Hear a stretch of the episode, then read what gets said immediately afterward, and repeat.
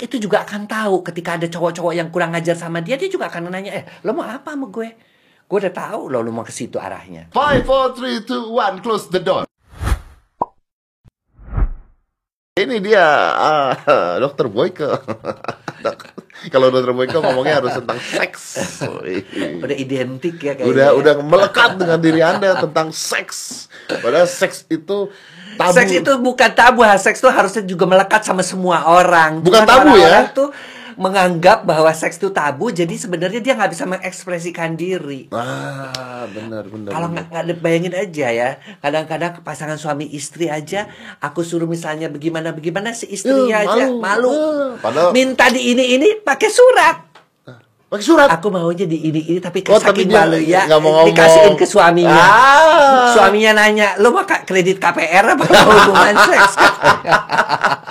Tapi dong sebelum saya mau ngomongin tentang itu karena ngomongin seks itu ternyata memang enak and I love sex juga. Iya dong. ya kan?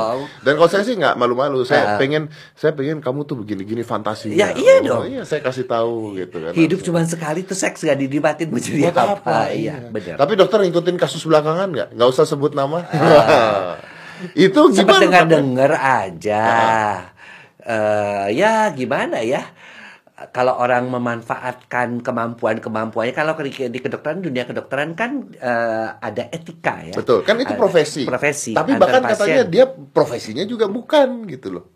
Oh ya? Iya, karena dia bukan itu, bukan psikolog katanya kan, bukan psikolog, karena baru S1 psikologinya. Nah, kalau Nah. kalau kita kalau eh, ya itu harusnya persatuan dari psikologinya yang eh, melakukan apa?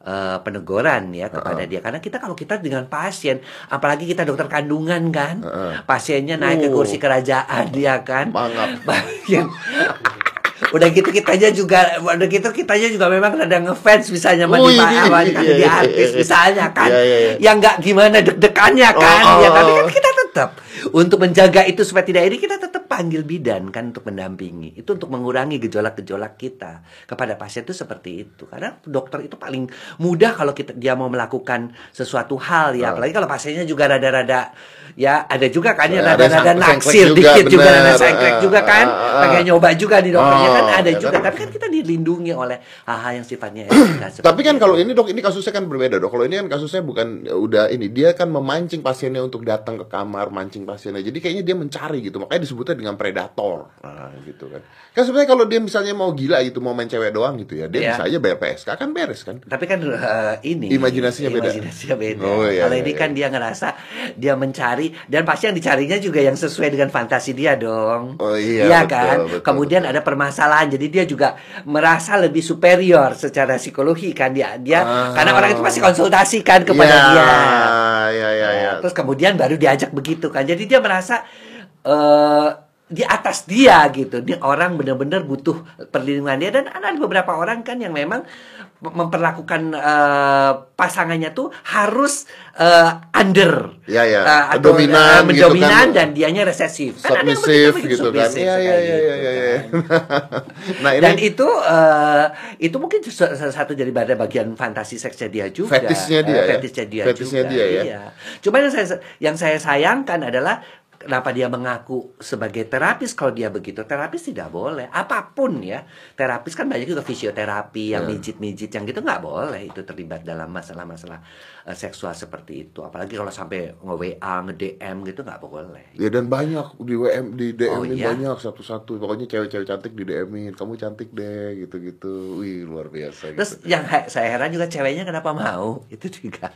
Kenapa ke hotel mau ya? Eh, Iya. Kan kalau dia pikirkan kalau kalau dia tuh pasien yang katakanlah ini, Wah, rasis. loh, loh, loh, kayak begini, gue laporin ini langsung, ya kan? Bisa bener. Iya kan, dia kan eh, berarti dia juga mungkin ada rasa juga, duh gue pengen nyoba juga nih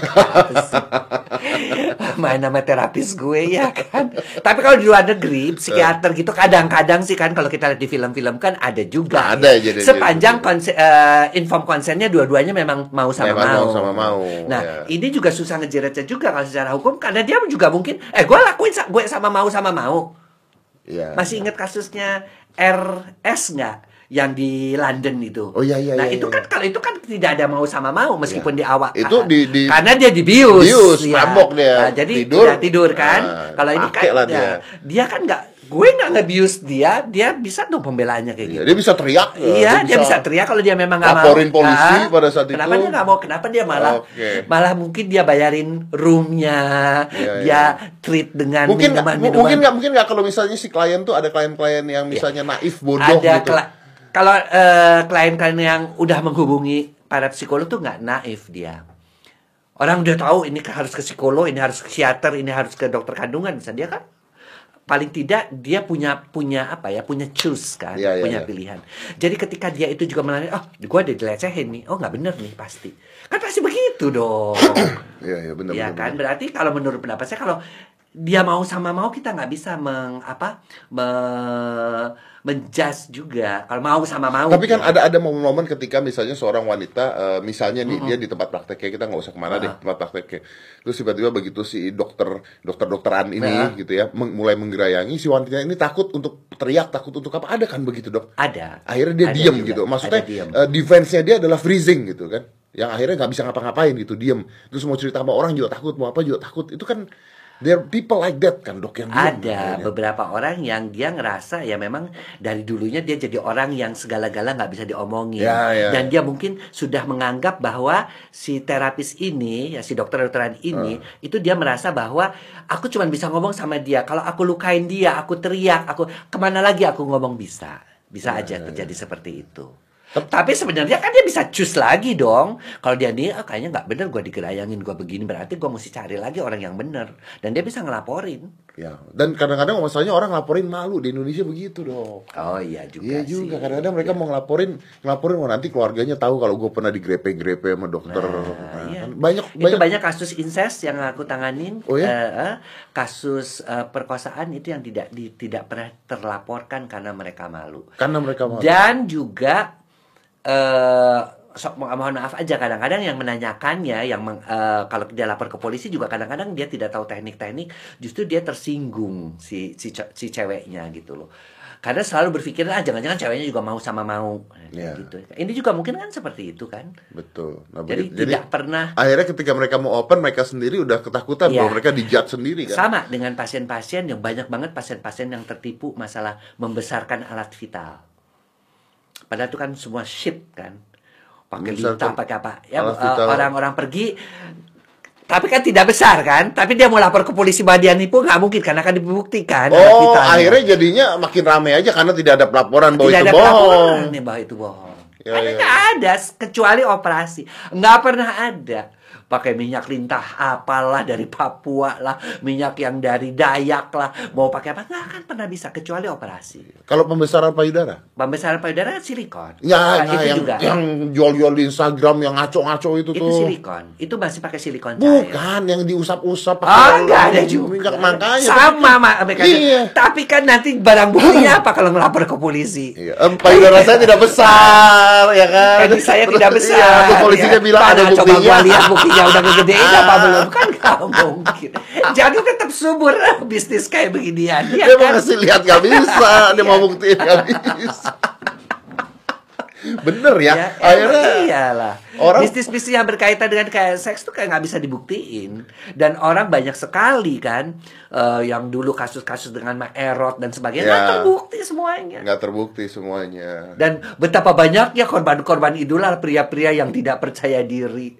Yang pengen ngerasa lebih besar itu yang akan memuaskannya kan? Dengan segala macam cara ya dari mulai direndam pakai teh basi sampai di dijepit digandul-gandulin baterai ya kan? Banyak itu kan kasus- Apaan digandulin baterai? itu jadi gandulin baterai lah supaya dia panjang makin panjang. Ada juga batu baterai. Ada gitu. ada pasien sampai begitu Dan dia dia percaya dia gitu. percaya karena dia ngedengerin dari teman-temannya. Nah, karena minimnya pendidikan seks, jadi mereka punya peers group yang untuk ngomongin seks yang aneh-aneh gitu loh. Misalnya dia ngomongin eh, lu berjerawat lu pakai ini darah mens jadi orang pada nyari ini asrama putri atau itu tuh yang apa Oh, untuk why, why, why, why, why, why, why? Jadi, oh, dia dalam-dalam ke asrama putri ngeliatin tong sampah, cari tong sampah siapa ngambil tahu ada eh, darah mens, itu. terus diambil ditempelin di sini gitu ya. Kenapa orang-orang itu tidak pakai logika ya? Nah, karena mereka satu nggak pakai logika, dua pendidikan seks dan peersnya juga mereka nggak dapat dari mana-mana kan. Ya dari lingkungan tersebut Dari itu. tersebut itu. Padahal sekarang udah zaman googling, udah zaman apa, tapi tetap aja hal seperti itu masih menguasai otak-otak remaja-remaja kita, orang-orang yang ini juga gitu loh. Eh, Coba aja, masih percaya nggak sih orang-orang ya? Aku aja masih bingung. Orang Indonesia itu masih ada misalnya ujung daripada penisnya tuh digandulin pakai bulu kuda, digandulin pakai batu akik. Di... Coba, itu masih ada loh Digandulin itu pengertiannya apa? digandul di, di, di, ditambahin di ujungnya itu di dijahitkan bulu kuda atau bulu kambing Supaya atau- mainnya enak supaya kali. mainnya katanya supaya istrinya bisa mengeong lah apalah itu kan bohong semua yang terjadi dia sakit luka CA cervix coba itu kan banyak sekali hal-hal yang menyesatkan di dunia seksologi itu yang kadang-kadang si pria-pria itu hanya mengikuti omongan-omongan orang. Oke lah, kalau dengan silikon ya kan, dengan silikon disuntik itu juga itu juga lama-lama membusuk. ya kan? Iya iya iya iya, bener. Dok dok sini dikit dok. Dokter sini dikit. Nah biar kameranya Iya. dapet. Gitu? Oke oke. Nah dok, tapi kan hal-hal seperti ini tuh bisa dikatakan salah dan benar itu bukan yang tadi operasi-operasi itu atau bohong-bohong itu ya kalau itu sih Udah. udahlah bodoh lah ya itu memang udah manusianya begitu. Ini contohnya nih. Gua kalau misalnya saya misalnya melakukan seksual dengan wanita gitu ya. Saya suka misalnya melakukan fantasi. Iya. Fantasi misalnya gue suka misalnya eh, ceweknya di borgol. Gitu, di borgol atau diikat gitu. Atau pakai baju seragam gitu. Seragam SMA. Misalnya gitu. Itu tidak salah kan? Kalau ada di Borgol itu udah salah. Tapi kalau cuma pakai baju seragam SMA, pakai baju seragam Superman, Eh. pakai Supergirl itu masih boleh. Kalau di Tapi Borgol di Borgol salah? karena itu nantinya ke arah ke arah ke arah ada kecenderungan ke arah Anda pengen menjadi eh, superior di dia ke arah ke masokis. Ya udah gantian borgolnya deh.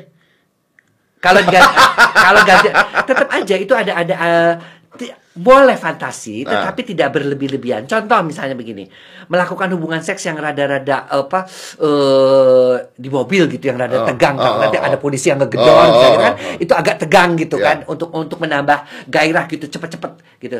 Kan masih oke, tapi kalau misalnya sampai melakukan hubungan seks di atas genteng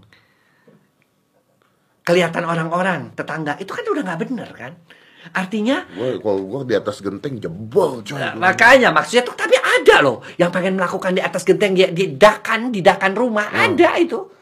Gue bilang lu udah kayak kucing gue bilang melakukan hubungan seks di atas genteng kalau kucing sih boleh berantem apa Tapi ini. kan kalau kayak misalnya BDSM, nah gitu kan, itu kan misalnya misalnya saya dan eh, si cewek ini misalnya suka, oke nanti eh, diikat diapain gitu. Tapi kan nggak beneran disiksa kan?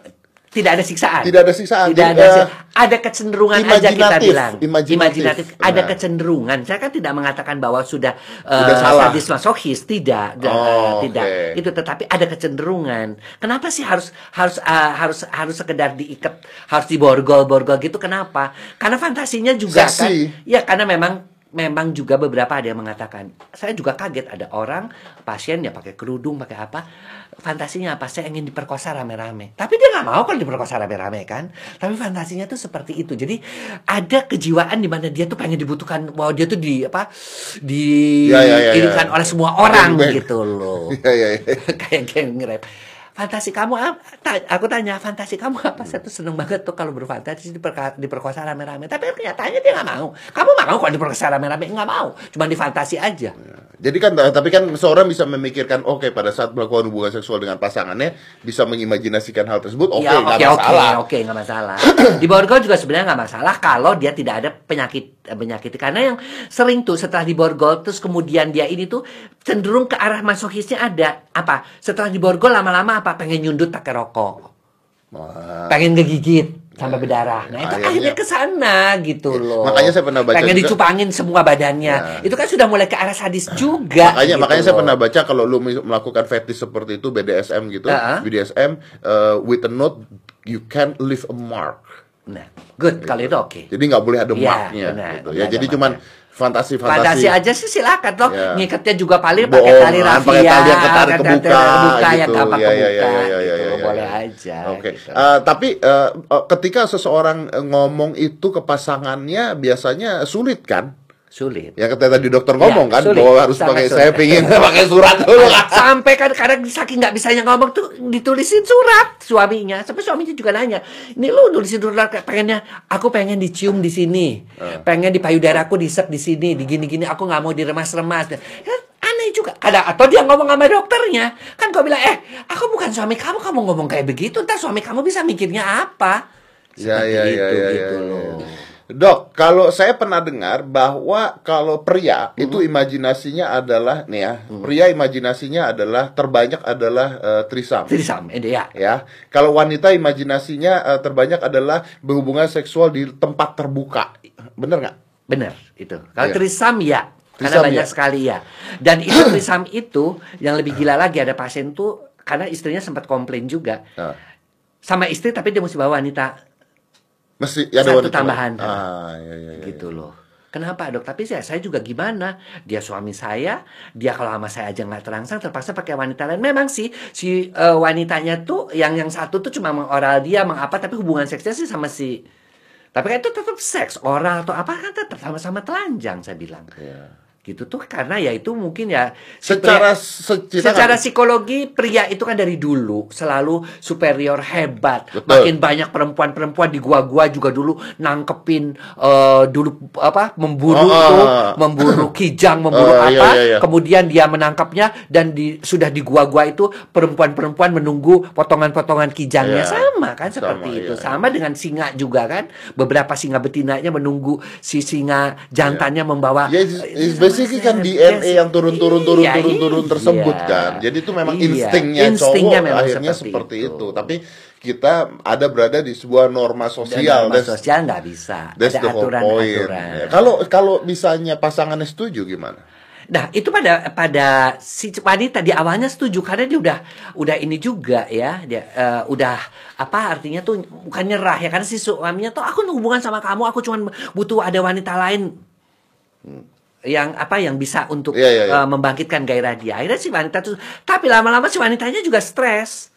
Ya. Karena yang tadinya cuma sebulan sekali pakai begitu supaya bisa akhirnya menjadi eh, seminggu sekali, nah makin makin sering. Akhirnya setiap kali mau Nah, begitu harus pakai orang iya. ketiga gitu ya. Nah, lebih gila lagi eh yang seneng banget lihat istrinya begitu dulu sama orang baru Eh, dia pakai. loh. Nah, justru itu kan penyimpangan seks tuh Gua gila-gilaan. punya temen kayak gitu loh, Dok. Jadi dikasihnya ke Gua- orang gua si istrinya. Gua apa apa mikir, gua- saya ini jujur, saya sampai ngomong sama, sama dia. Apa kan kita Bro, lu lu gila lu ya gue bilang. Kalau kalau lu ngomong trisam mau apa enggak, gua mau, Bro. Gua bilang. Tapi kalau cewek gua tuh bini gua dipakai orang gua liatin, Gila. lu gila apa ya gitu. Tapi ada.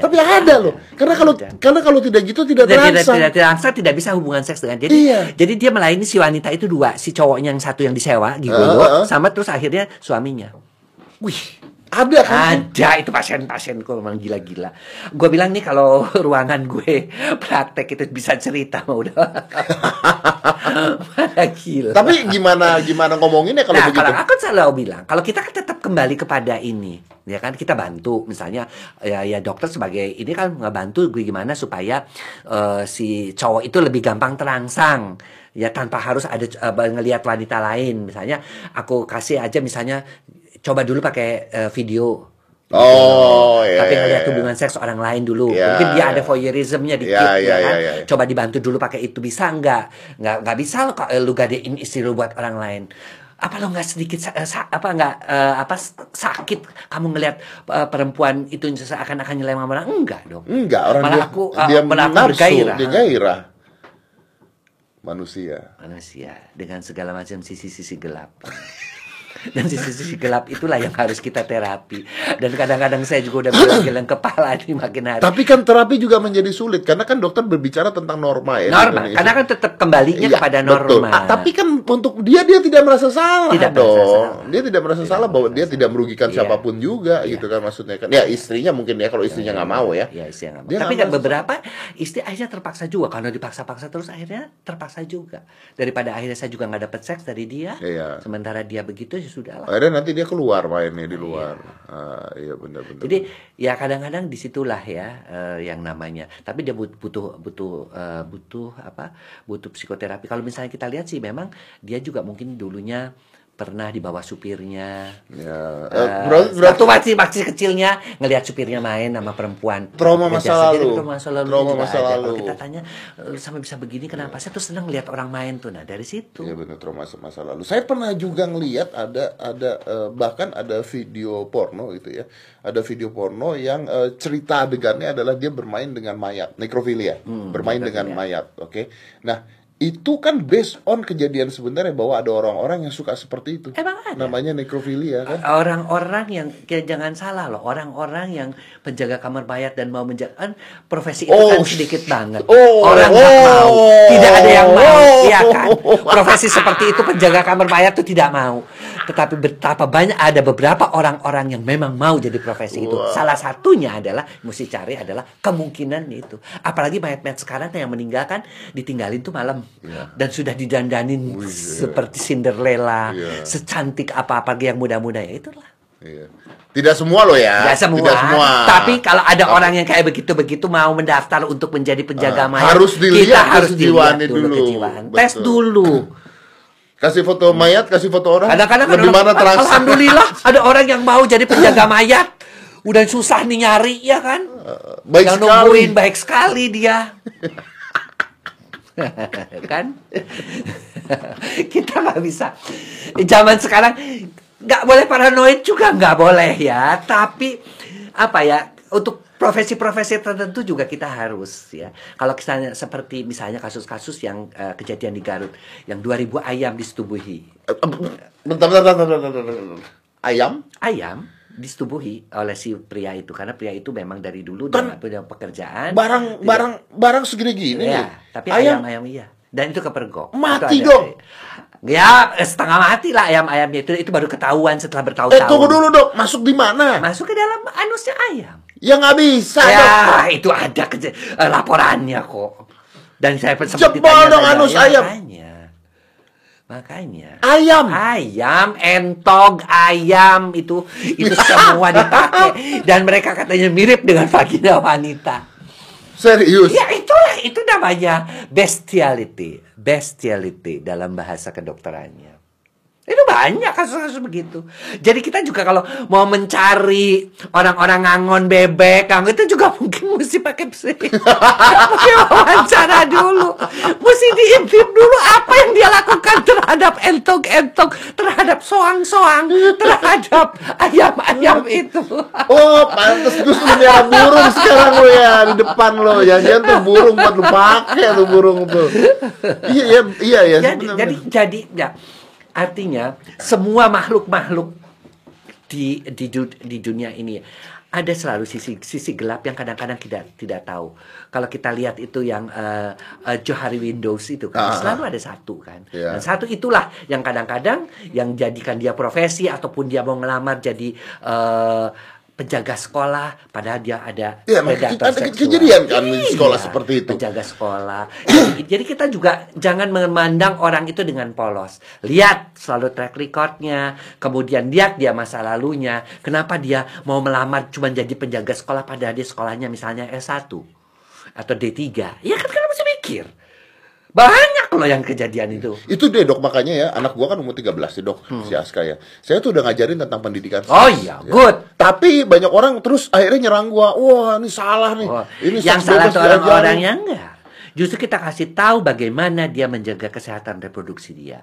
Dengan diajarkan pendidikan seks, dia akan bertanggung jawab terhadap dirinya dia, terhadap lingkungan dia, terhadap organ-organ reproduksi. Karena kalau dia. menurut saya dok ya menurut saya daripada tiba-tiba saya nggak tahu tiba-tiba terjadi sesuatu lebih baik saya bilang lu kalau mau ngapa-ngapain kasih tahu papa udah begitu mending kasih tahu. Tapi tentu saja kita juga ngasih tahu bahaya-bahaya. Benar, kita kasih tahu bahaya-bahayanya. Kamu kalau sampai melakukan hubungan seks, Resikonya resikonya apa? apa, Iya. kanker rahim ini ya kasih tahu. Tapi dengan cara seperti itu kan akhirnya eh, si anak itu juga akan tahu ketika ada cowok-cowok yang kurang ajar sama dia, dia juga akan nanya, eh lo mau apa sama gue? Gue udah tahu lo lo mau ke situ arahnya. Iya. Eh, kalau tidak dikasih tahu itulah banyak sekali orang-orang anak-anak SMP yang hamil. Kalau saya tanya kamu dikasih tahu nggak sih sama papa mama kamu tuh bahwa kamu tuh bisa hamil? Kau bilang nggak pernah. Ngomongin seks di rumah tabu. Itu dia jadi akhirnya akhirnya kejadian hal dan dia nggak ngerti gua diapain gitu kan. Berarti diapain? Kalau Padahal dok katanya kalau saya udah loncat-loncat katanya biar spermanya turun biar gak hamil. Iya, iya, iya, ampun. Coba. Anak ya, anak-anak SMP begitu kan taunya dikasih sama cowoknya udah nggak apa-apa. Gua kuliah di dalam dulu loncat-loncat setelah itu namanya pacarnya yang ngomongin kayak begitu. Kok saya udah loncat-loncat masih hamil juga ya? kan mau ngomong apa? Makanya anak-anak perempuan, anak laki tuh harus dikasih tahu pendidikan seks. Saya udah ngomong sampai berbusa-busa juga tetap aja "Oh, nanti malah ngerti tentang seks malah jadi seks bebas nggak begitu. Otaknya nggak begitu.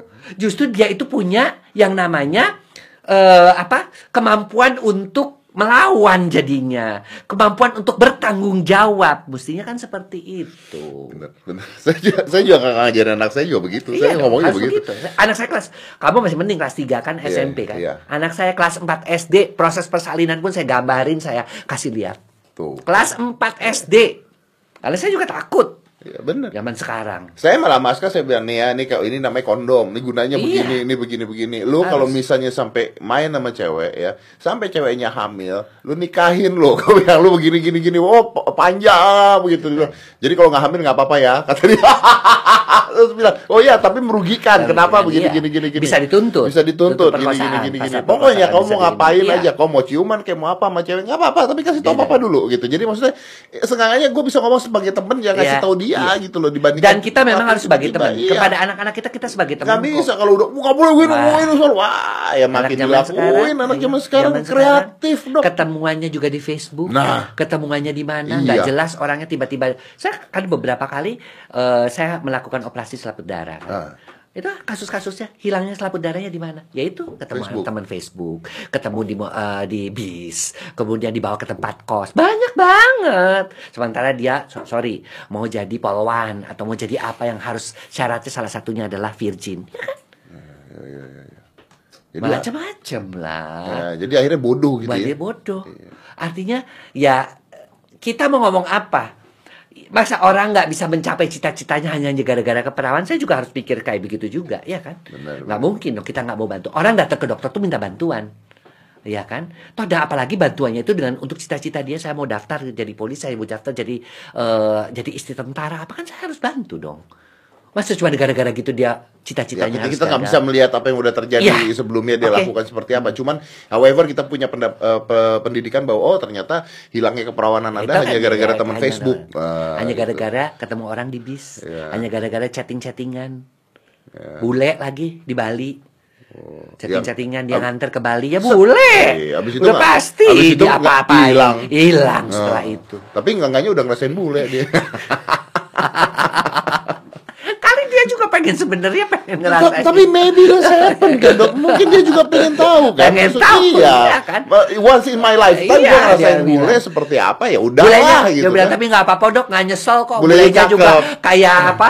Ronaldo, apa Oh, Ronaldo yang iya, si iya, iya. eh, itu tampangnya katanya orang Itali, ketemu di Bali. Dari mana Facebook? ya udah lah ya, Ya gitu udahlah ya. ya, artinya untung untung dok ketemu Saya bilang, kamu cek Untung. nggak? Kamu tanya nggak di HIV AIDS? nah itu dia Kamu tanya nggak dia ngundangin penyakit kelamin? Karena dia ketemu saya apa? Keputihan. Keputihannya hijau. Kita, kita periksa apa? eh GO. Setelah GO saya bilang saya akan periksa HIV-nya. HIV-nya untuk negatif. Tapi enam bulan lagi akan saya periksa lagi. Itu resikonya kamu. Dokter saya masih bisa bisa punya anak, GO-nya udah cukup lama. Udah perlengketan. Mungkin nanti mesti kalau mau hamil, kamu mesti ditiup dulu. Mesti di HSG. Nah, itu risiko. iya benar Nah, Jadi pasti segala sesuatu tuh Ada ada, resiko. Kalau melanggar-langgar nilai-nilai norma pasti ada risiko. Itu yang kadang-kadang remaja-remaja kita tuh nggak ngerti. Iya. Yang penting enak sekarang aja lah. tapi kan kalau tidak mengambil resiko hidup tidak tidak ya, mungkin juga ya. Itu justru tantangannya ya. Life is a risk ya. Sama gitu loh. Iya. Eh, eh, Lucu apa- ya sebenarnya ya. Risiko tuh memang kadang-kadang kita ya memang ngapa-ngapain juga harus ada risiko. Iya, Lu jalan aja ada yang nabrak Iya. kok, iya kan. Oke, tapi ja- tapi resikonya juga kamu Diperkecil, dipersempit, diperkecil gitu. iya. Seperti bule gitu lah mesti mesti tahu juga gitu Iya, loh. Bener-bener dia itu gimana ada penyakit kelamin apa enggak? Paling enggak kan kalau GO kan pasti dia pernah pernah nanya do you have a uh, discharge before? Uh, what color of discharge? Terus kan tapi ya nggak tahu deh kalau namanya lagi cinta ketemu di situ di Bali suasananya pantai-pantai Oh, gitu lupa ya lupa Ya, ketemu tampang mungkin dia Untung mirip- cakep ya di cakep, Facebook gitu kadang-kadang ya. buka di Facebook begitu datang wah beda kan. Udah cakep dia memang petualang yang backpackers katanya Oh. ke Bali itu dia juga punya backpackers jadi temenin lah sebagai guide dia Untung nggak hamil tuh. untung nggak hamil. Tapi yang pertama sih kamu cuma dikasih penyakit kelamin tapi untung nggak hamil. Tapi nggak, bulenya pinter selalu pakai kondom. Tapi kan GU ya mungkin waktu dia pernah juga ke kehabisan Nah, iyalah kan ngomong doang soal pakai ya. kondom mah kadang-kadang juga aja. bule Lagi eh, tidur bule- ketiduran. nah kadang-kadang juga si ceweknya juga ya aduh pakai kondom Nggak enak, enak, iya. kayak main piano pakai Pakai sarung, tangan, Feeling mencetnya tuh nggak ada Nggak gitu ada, loh. gitu. Nggak kenapa. Nggak nempel tuh ke kulit. Ah gitu loh. Padahal kondomnya tipis nggak juga tetap aja ya susah kan kalau udah kayak begitu kan itu about feeling itu Iya, sebuah bener. taste kan udah Iya. susah Kan skin to skin. ya bener dok, bener dok. Emang susah loh ngurusin seks nih, ngurusin berbagai macam sifat-sifat orang ya. Itulah susah. Berbagai macam sifat fantasi juga susah juga, nggak gampang. Nggak gampang. Five, four, three, two, one, close the door.